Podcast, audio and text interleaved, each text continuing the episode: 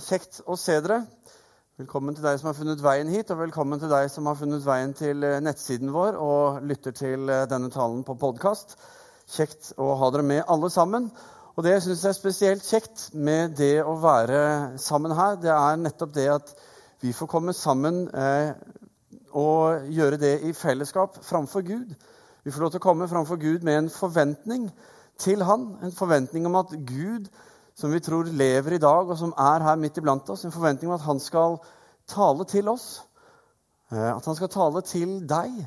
At han skal få lov til å vise deg noe nytt i dag som ikke du eh, visste. Eller at han skal få svare på en bønn du har bedt, eller trøste deg, eller fylle deg, invitere deg, utfordre deg. I det hele tatt at Gud skal møte deg der hvor du er i ditt liv og i din hverdag. Det er vår bønn, og det ønsker vi. For vi samles om en Gud som vet akkurat hvordan vi har det.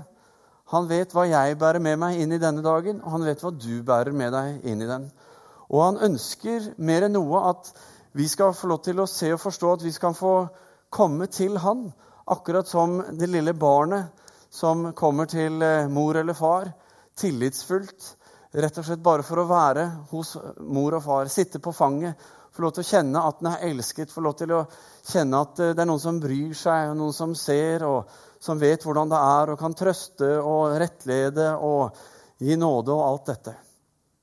Og det er jeg overbevist om at Gud ønsker i forhold til alle oss. Og jeg syns det er et vakkert bilde med dette barnet som kommer opp i far eller mors fang. Og jeg tror det er et sant bilde om det Gud ønsker for deg og meg. Men samtidig så tror jeg det er et bilde som mange av oss som tror, savner. At vi skulle ønske at det var mer sant, at det skjedde oftere. Og at det eh, var noe som vi kunne si ja, sånn var det i går, og sånn var det i forrige uke, osv. Eh, fordi når vi føler at vi trenger et fang å klatre opp i, så opplever vi ikke alltid at eh, det var sånn vi så for oss. At eh, nå skulle alt bare bli bra. At Gud skulle ta hånd om alle ting.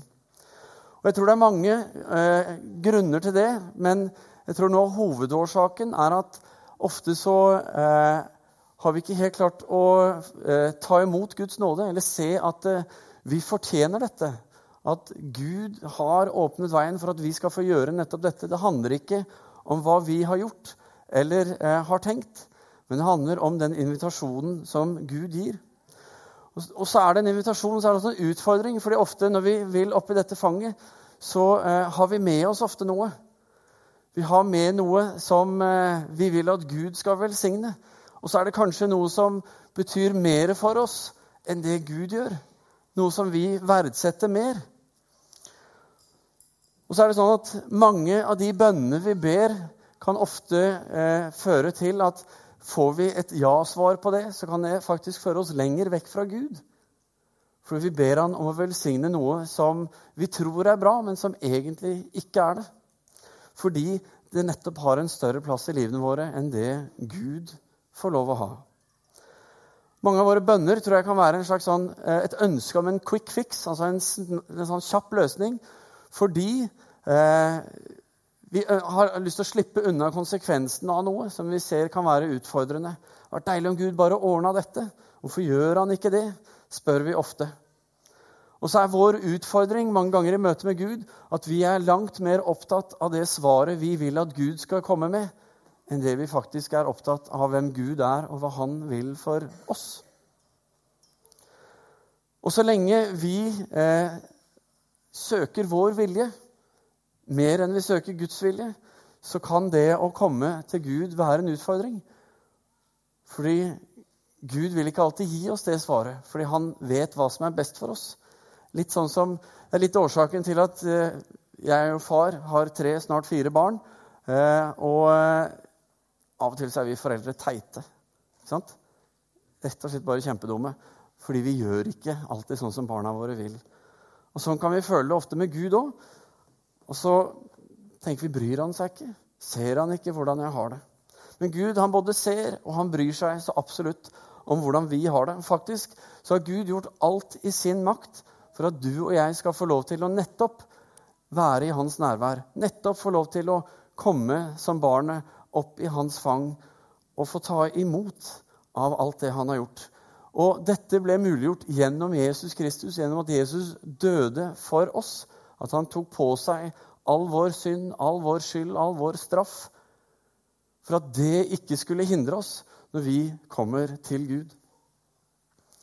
Han ønsker at vi skal få kraft, og han ønsker at vi skal få leve det livet som han kalte oss til. Og Som dere så av vignetten her, så er vi inne i en serie nå som handler om Den hellige ånd. Eh, Kom Hellige Ånd heter serien. og Over to søndager nå så har vi først snakket om at Den hellige ånd var noe som er lovet. Noe som Gud har sagt at en dag skal dette skje. Noe som Jesus snakket mye om. Og eh, Forrige søndag så snakket vi om at eh, en av Den hellige ånds viktigste oppgaver det er å peke på Jesus. Eh, og at når Jesus forberedte disiplene, så sa han at eh, han skal på en måte erstatte meg. Altså Den rollen jeg har hatt, den rollen skal Den hellige ånd ha. Han skal eh, være den som går sammen med deg, den som lærer deg og viser deg. Med andre ord, det Jesus ønsker for deg og for ditt liv, det har han sendt Den hellige ånd for å gjøre. Så Derfor blir Den hellige ånd en veldig viktig brikke i troslivet vårt. Før eh, Jesus for opp til himmelen på Kristi himmelfartsdag, så sa han til disiplene, som vi leser i Apostlenes gjerninger kapittel 1, vers 8, og der står det Men dere skal få kraft når Den hellige ånd kommer over dere, og dere skal være mine vitner i Jerusalem og hele Judea, i Samaria og helt til jordens ende. I dag skal vi også snakke om at Den hellige ånd ikke bare ønsker å bo i oss ved troen, men at han ønsker å fylle oss, slik at vi skal få eh, erfare nettopp det å leve nært til vår Far i himmelen, nært til Jesus. At vi skal få del i det som han har for oss. For det er ved Den hellige ånd at vi kan leve nær til Jesus, at vi kan få lov til å ha en nær relasjon til vår himmelske Far. Det handler om å bli fylt av det som er Guds gode vilje for oss. Fylt med Hans nærvær, med Hans kraft, med Hans gaver, med hans visdom, hans kjærlighet og nåde. Og da er dagens tema Kom, Hellige Ånd, fyll oss. Johannes døperen har du kanskje hørt om. Han eh, var det som døpte Jesus. Og Han het ikke døperen fordi han døpte Jesus, men fordi det var det han gjorde. Han døpte mennesker. Gud hadde kalt han til å gjøre det. Og så kom Jesus til han, eh, og eh, ifølge både Matteus og Markus og Lukas så eh, kom ånden over Jesus når Jesus kom opp av vannet. Og Matteus forteller det sånn i sitt kapittel 3, så sier han da Jesus var blitt døpt, steg han straks opp av vannet, og se, himmelen åpnet seg, og han så Guds ånd komme ned over seg som en due. Og det lød en røst fra himmelen som sa, 'Dette er min sønn, den elskede. I ham har jeg min glede.' Disippelen Johannes, som er en annen Johannes enn døperen Johannes, han eh, forteller, gjengir noe av det døperen Johannes sa etter at eh, Jesus var blitt døpt. For da eh, sa døperen fra eh, Dette er Johannes 1, fra vers 32. Og Johannes vitnet og sa, 'Jeg så Ånden dale ned fra himmelen som en due, og den ble værende over han.' Jeg kjente ham ikke, men han som sendte meg for å døpe med vann, sa til meg, Han du ser ånden dale nedover og bli hos, han er det som døper med Den hellige ånd. Jesus er den som døper med Den hellige ånd. Det er han som sender Den hellige ånd til oss. Og eh, Vi leser flere steder i eh, evangeliene om at Jesus han virket ved Den hellige ånd. F.eks. kan du lese at fylt ved Den hellige ånd vendte Jesus tilbake. Eller drevet av Den hellige ånd ble Jesus ført dit. ikke sant? Og så skjer mye av det Jesus gjør, blir innledet nettopp med at det skjer ved Den hellige ånd. Og det sier noe om Den hellige ånds funksjon i den troendes liv. Selv sa Jesus i oppstarten av sin tjeneste, som vi leser om i Lukas 4, så sa han, 'Herrens ånd er over meg, for han har salvet meg til å forkynne et godt budskap for fattige.' 'Han har sendt meg for å rope ut at fanger skal få frihet, og blinde få syn igjen,' 'for å sette undertrykte fri og rope ut et nådens år fra Herren. Og så er det Herrens ånd som er over han, og som istandsetter han til å gjøre disse tingene. Johannes vitner om at ånden kom over Jesus ved Jesu dåp. Matteus, Markus, og Lukas og Johannes beskriver og forteller om Jesu liv som en konsekvens av nettopp at Jesus var fylt av Den hellige ånd, og at han virket ved Den hellige ånd. Og Sist, men ikke minst, så ser vi altså at Jesus selv sier at det er ved åndens kraft jeg gjør det. Og så er det ikke bare at Jesus sier det selv, men når han sier det, så eh, gjør han det i synagogen. Når han kommer inn, og så får han tildelt rullen fra Jesaja-boken. For den gangen så hadde de ikke bibler vet som de slo opp sånn som vi har, men de hadde ruller. Og Så fant de fram, rullet seg fram til det rette stedet, og så leser altså Jesus dette ordet som vi akkurat leste nå, fra Jesaja, som Jesaja hadde profetert 700 år og noe før eh, Jesus kom. Nettopp for å forberede og si at en dag så skal jeg komme eh, på denne måten, og det er ved Den hellige ånd at det skal skje. Og så lærer også, ser vi i evangeliene, Jesus lærer sine disipler at også de skal bli fylt med Den hellige ånd. At, de, at Den hellige ånd skal være i dem, at han skal lede dem, vise dem og rett og slett eh, sørge for at alt det de trenger, eller alt det som Jesus hadde ønska at de skulle ha, det skal de få ved Den hellige ånd. Den hellige ånd skal være i dere, og han skal lære dere alt. Det er ganske omfattende. Han skal lære dere alt, og han skal minne dere alt det jeg har fortalt dere, sa Jesus til sine disipler. Og så kan du si ja, nå har ikke Jesus sagt så mye til meg, men jeg tenker at vi har Bibelen i dag. At vi har De gamle testamentet i Skriftene, og vi har evangeliene med fortellingen om Jesus og alle brevene og alt som skjedde i kjølvannet av dette som Jesus kom for å gjøre midt iblant oss. Når vi leser det, så er en av Den hellige ånds oppgaver det er nettopp å minne oss på disse tingene som vi har lest, at vi kan få de i rette tid. Eh, så vi ser at Den hellige ånd er et eh, si, ufravikelig på mange måter bindeledd i, vårt, i vår relasjon til Gud, vår relasjon til Jesus og vår Far i himmelen. Så Den hellige ånd er altså, etter Guds egen vilje, så er han nøkkelen til det livet som vi er kalt til å leve i troen på Jesus. Det er ved Den hellige ånds kraft. kommer ganske klart fram, syns jeg, i Bibelen. Og så forteller Bibelen at alle som tror på Den hellige ånd, eh, alle som tror på Jesus, har Den hellige ånd. Det er, en, det er altså en konsekvens av troen vår. Når vi sier 'jeg tror på Jesus', så tar Den hellige ånd bolig i oss, i våre hjerter.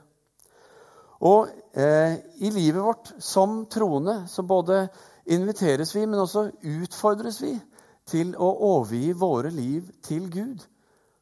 Til å stole på at det Gud sier, det er best for meg. Det er det som er sant om mitt liv. At vi skal rett og slett, vi utfordres til å be den bønnen som Jesus lærte oss. Far, la din vilje skje ikke min. La det du vet er best, få lov til å skje. Så spørsmålet er ikke hvorvidt vi som tror, har Den hellige ånd.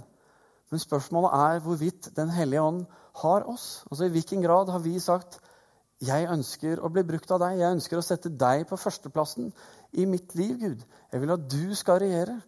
Og jeg tror at det er ved Din Hellige Ånd at det skjer i mitt liv.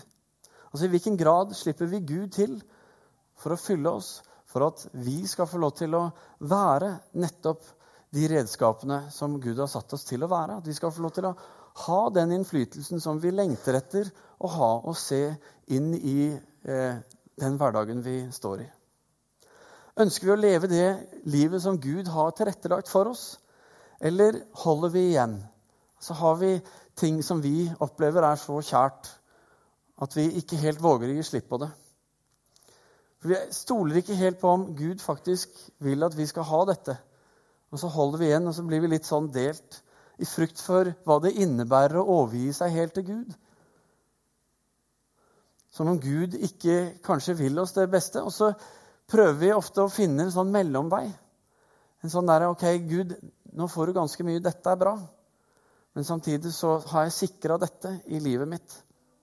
Frykten for at Gud vil ta fra, fra oss, gjør at Det er vanskelig å finne seg til rette i alle situasjoner hos Gud. Fordi det er noe som er større. Vi våger ikke helt å stole på Han. Da jeg var tenåring, så gjorde jeg mye rart. Og noen har hørt om det og husker med forferdelse om noen av historiene jeg har delt. Men det jeg gjorde veldig mye, det var å gå på leir. Så ofte det var leir, så heiv jeg meg på, fordi leir, det var utrolig kjekt. Og eh, vi dro på sommerleir og påskeleir og weekendturer og nyttårsleirer når vi hadde ledere som orka det også. Og vi hadde det kjempebra. Og det som var, er at når vi var på leir, så var det liksom en, et annet liv på mange måter. Det var så mye som skjedde. Vi hadde det gøy, og vi var sammen hele tiden. Også med møter og med Gud var annerledes enn det det var ellers i hverdagen. Fordi leir eller noe som ligner det, tilsvarer det, gjør noe med oss. Og min teori er at når vi er på leir, så eh, skaper vi et større rom for Gud i livene våre, i hverdagen vår, enn det vi har til vanlig. Eh, vi forholder oss mye mer til han. ikke sant? Ofte er det to møter om dagen og noen gode samtaler innimellom. og ja, Vi har mer tid til å gå og fundere over dette som har med Gud og livet med Han å gjøre. Og Så ser vi kanskje at det skjer ting i andres liv, og så tenker vi at det kan skje noe i mitt liv, og så får vi igjen kontakt med det der 'Å, jeg skal ønske Gud at du gjorde noe med dette', eller at jeg fikk oppleve dette. Og så får vi være der. Og så er ikke hverdagene våre ikke sant, med arbeid og skole og bleier og hva nå enn du har i hverdagen din. Det er ikke alltid tilrettelagt for dette. Og eh, det gjør at det, det, blir vanskeligere å leve hverdagslivet. ikke sant? Så kan vi kanskje savne leiren vi gikk på en gang. Men jeg tror at ved å tilrettelegge for det og si det at gudstjeneste det vil jeg prioritere. Jeg vil gå så ofte jeg kan, for der får jeg noe som ikke jeg får på samme måte ellers i hverdagen. Som ikke bare handler om hva som skjer oppå denne plattformen, men hva som skjer når vi kommer sammen. Og I tillegg til det så eh, f.eks. å eh, være med i et gruppefellesskap, om du kaller det cellegruppe eller bibelgruppe eller bare gruppe, eller hva det enn er.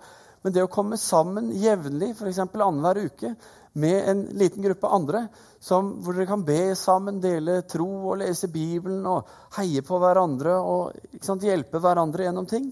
Og ikke minst det å ta i bruk de gavene som Gud har lagt ned i oss.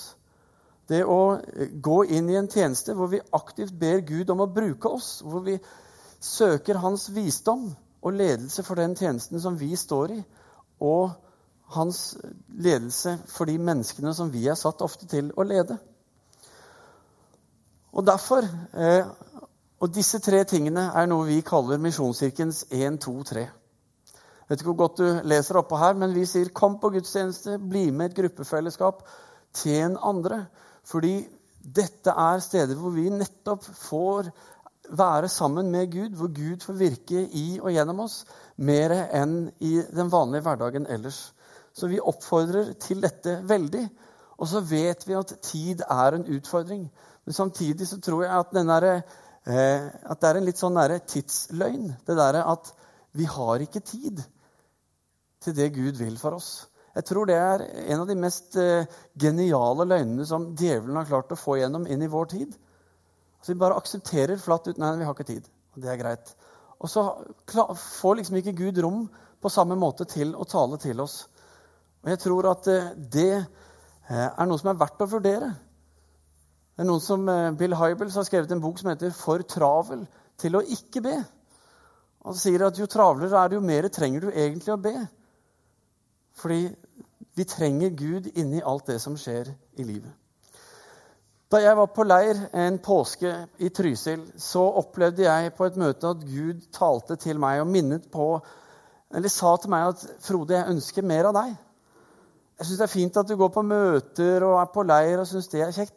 Men jeg vil at det du og jeg har, skal være noe mer enn det. Og når de inviterte til forbønn, så tenkte jeg OK, Gud, jeg vil også ha mer. Jeg tror dette er bra. Så gikk jeg eh, fram, og så ble jeg bedt for. Og så skjedde det noe der jeg ble, eh, når jeg ble bedt for. Jeg opplevde å bli fylt av Den hellige ånd så kraftig at mine ben klarte ikke å holde meg. Og jeg fikk hjelp til å legge meg ned. Og de fortsatte å be for meg. Og så var det det at når de var ferdig med å be, så ble jeg liggende ute av stand til å reise meg opp. Kunne gjerne illustrert noe, men ingen hadde sett meg, så det hadde vært så trist. Men altså, jeg lå helt nede, og jeg ble liggende i jeg tror det var tre kvarter. Jeg, så, jeg hadde kraft nok til å se på klokka og prate med en som satt ved siden av meg. og liksom, hvordan går det? Og ikke et øyeblikk så tenkte jeg å nei, Gud har straffet meg. liksom, Jeg skulle ikke gjort dette. Nå er jeg lam fra livet og ned. Ikke. Det var aldri noe sånn. Men jeg lå og hadde mitt livs opplevelse. Der, sånn følte jeg det der jeg lå. Dette var fantastisk, fordi Gud var hos meg.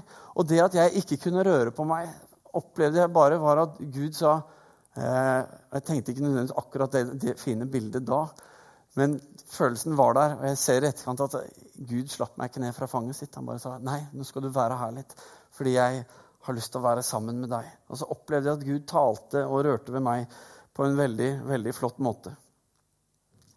Men så er det sånn at det er ikke sånn det skjer. Altså, det du hørte om min erfaring nå, er ikke det som er fasiten. Det er ikke det som står et sted at eh, når du blir fylt av Den hellige ånd, så skjer det på den måten. Ikke sant?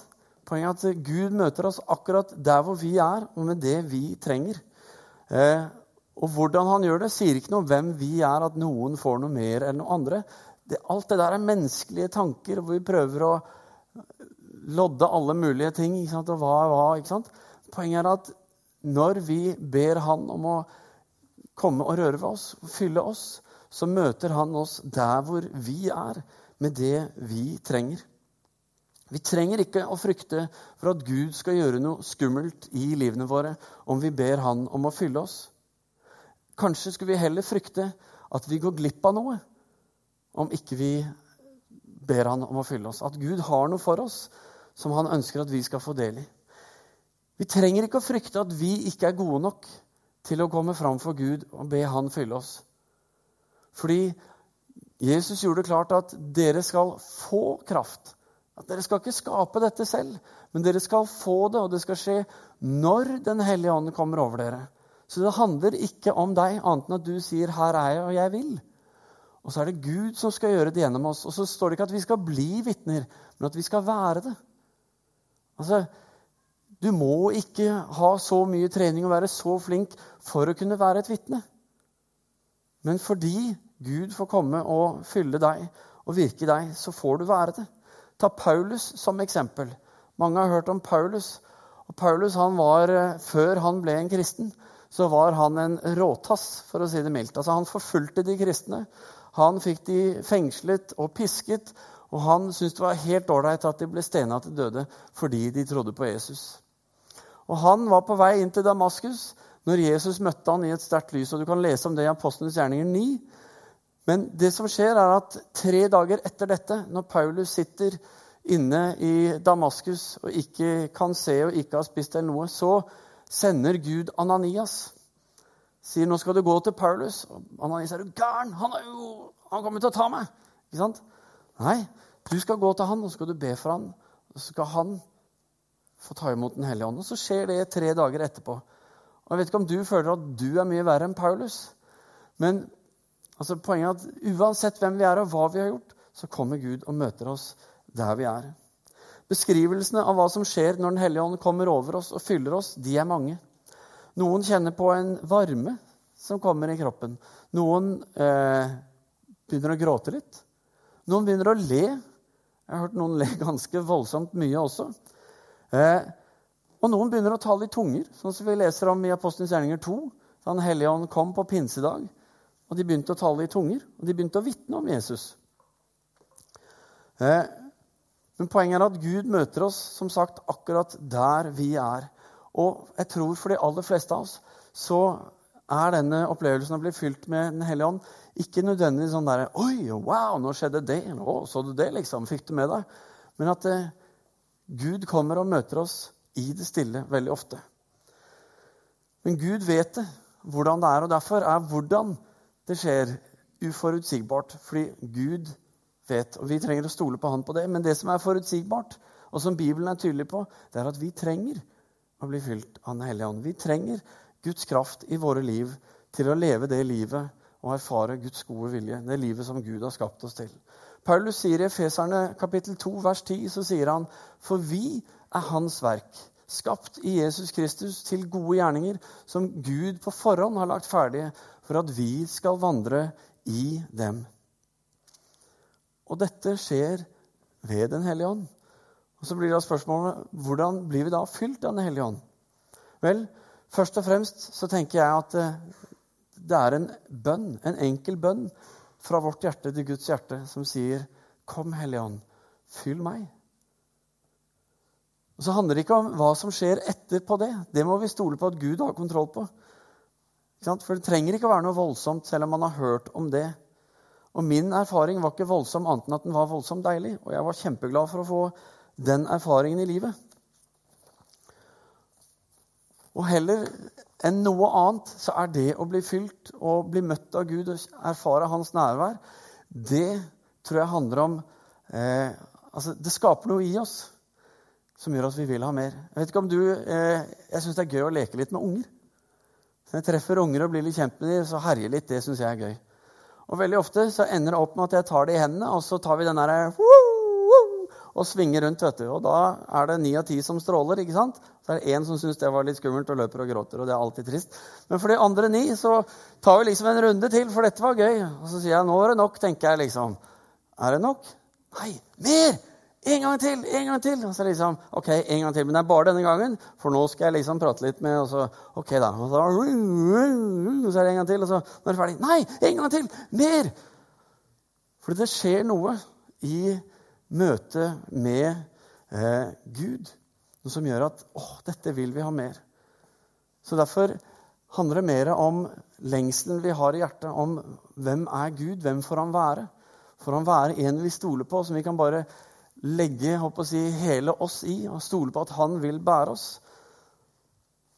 Og jeg vet at Når vi snakker om Den hellige ånd, som vi gjør nå i denne serien eh, Og i dag så er det ikke til å unngå at eh, dette vekker opp noe eh, som kan være ubehagelig og vondt hos oss. Fordi eh, det rører Vi snakker om måte, de mest intime åndelige erfaringene som vi har i livet. Og noen bærer på skuffelser, på frustrasjoner og sår pga. ting de har fått oppleve nettopp gjennom åndelige erfaringer. Og Det kan være mange årsaker til at de har opplevd det, men jeg tror veldig ofte så handler det om en usunn åndelighet som er eh, del av bildet. Fordi ofte så har vi mennesker en trang for å si at sånn jeg opplevde, sånn skal det være. F.eks. at eh, man, når man blir eh, bedt for å fylt med en hel hånd, så må man ned i bakken. Så må man ligge der, og helst i tre kvarter. Ikke sant? Og Hvis ikke du har gjort det, ja, da vet jeg ikke om dette ble ordentlig. Nå sier jeg det litt flåsete, men dessverre så er det sånne erfaringer. Folk, eh, jeg vet om, kjenner de som har liksom fått inntrykk av at du må, bli, altså du må tale i tunger. Og så har de kommet fram og ønsket det, og så skjer det ikke. Og så er det sårt, og så er det vanskelig. Fordi noen sa at det skulle, og så blir det jeg som har skylda, liksom. Men det sier noe om at vi er mennesker inni dette bildet. Og det fører oss egentlig tilbake til der vi var litt i starten. At uh, i oss mennesker så er det noe som svikter, og som gjør at uh, vi egentlig er enda mer avhengig av at Gud kommer inn og forteller hva som er sant i våre liv. Enten det er fordi vi, vi prøver å holde kjært noe som eh, er i ferd med å ødelegge for oss, eller det er noen andre som sier at vi må bli noe som eh, vi egentlig ikke skulle være. Så når du forholder deg til Den hellige ånd Vi skal gå til avslutning nå. Men når du tenker på Den hellige ånd i dag, og hvis du tenker at dette er en bønn som jeg har lyst til å be. Så ikke be den bønnen for å oppleve noe spesielt. For det det er liksom mennesket AS. Sånn vil jeg ha det! Sånn skal det være! Og så blir det ikke sånn. Så, Uff, nei, det gikk ikke denne gangen. ikke sant? Men bare søk Gud for den han er, ikke for dette spesielle eller hva det nå er. Ikke gå fordi du tenker at dette burde jeg gjort for lenge siden, og du gjør det av dårlig samvittighet, eller at du tenker at jeg har vært en dårlig kristen og må skjerpe meg, eller et eller annet sånt. Men gjør det fordi du tenker at det er dette jeg egentlig vil. Det er dette jeg lengter etter. Og Husk at Gud er opptatt av her og nå. Han tenker ikke på hva som skjedde i går. Gud ser ikke på hva som skjedde i går, for han vet om hva som kan skje i morgen. Derfor er i dag en invitasjon En invitasjon til å komme inn og få erfare mer av det Gud har for oss. Erfare hans kraft. Og Samtidig som det er en invitasjon, så er det altså en utfordring. Fordi det handler om en prosess i våre liv hvor vi eh, måtte jobbe med oss selv og be Gud hjelpe oss nettopp med det å sette Gud på førsteplass. Og be bønnen 'Herre, la din vilje skje, ikke min'.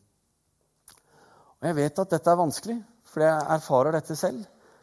Men samtidig så vet jeg at eh, når vi tar dette steget ut av båten, ut på vannet, og vi skal ta det bildet, så tror jeg at eh, veldig ofte så vil vi oppleve at eh, Oi, dette funker. At Gud møter oss, og så vi får noe som gjør at eh, når du har opplevd det én gang, så skjønner du nå om hvorfor du skal gjøre det en gang til. At eh, en sier en gang til. Mer. Dette liker jeg. Nå skal vi være stille, og så skal vi be sammen. Og så skal dette være en eh, tid med stillhet for anledning rett og slett for deg til å be den bønnen om ikke du har bedt den før. Så bare si, Hellige kom og fyll meg.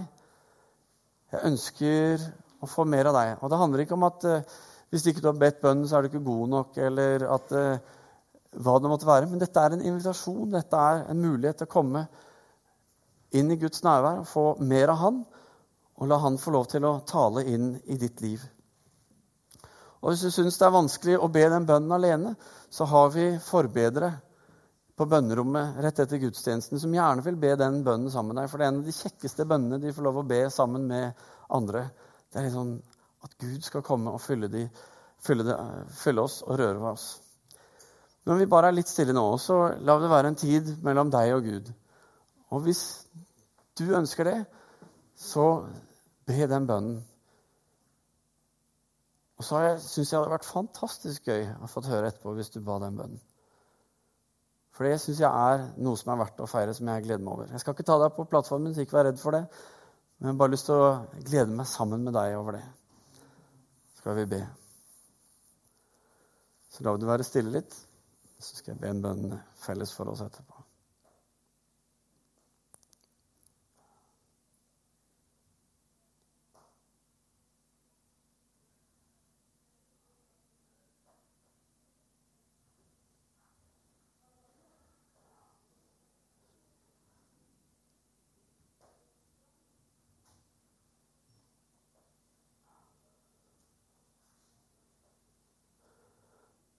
Himmelske Far, takk for at uh, du har gjort alt i din makt, Herre, for at vi skal få lov til å sitte på ditt fang.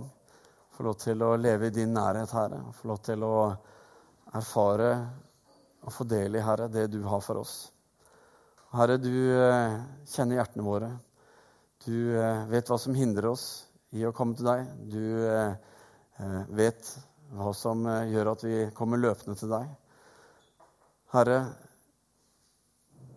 Tal til oss, Herre. Rør ved oss, Herre. Og for alle som har eh, bedt bønnen, Hellige Ånd, kom og fyll meg, så ber jeg, Herre, kom og fyll dem. Kom og tal til dem. Rør ved dem, Herre. Minn dem på noe, eller Herre, akkurat det du vet de trenger. La de få en eh, erfaring eller bekreftelse på at i dag skjedde det noe. I dag kom du og rørte ved mitt liv. Så bare ber jeg Herre at du skal velsigne dem i, det, i den bønnen. Og la de, Herre, få lov til å se tydelig, Herre, der hvor de eh, kan få lov til å velge mellom sin egen vilje og din vilje, Herre. At de skal få lov til å øve seg til det, og gjøre det med oss alle, Herre. For vi trenger mer av deg i vårt liv. Kom, Hellige Ånd, og fyll oss. Kom og la din vilje skje, Herre, gjennom våre liv. Det var bønnen bønn vi ber i Jesu navn. Amen.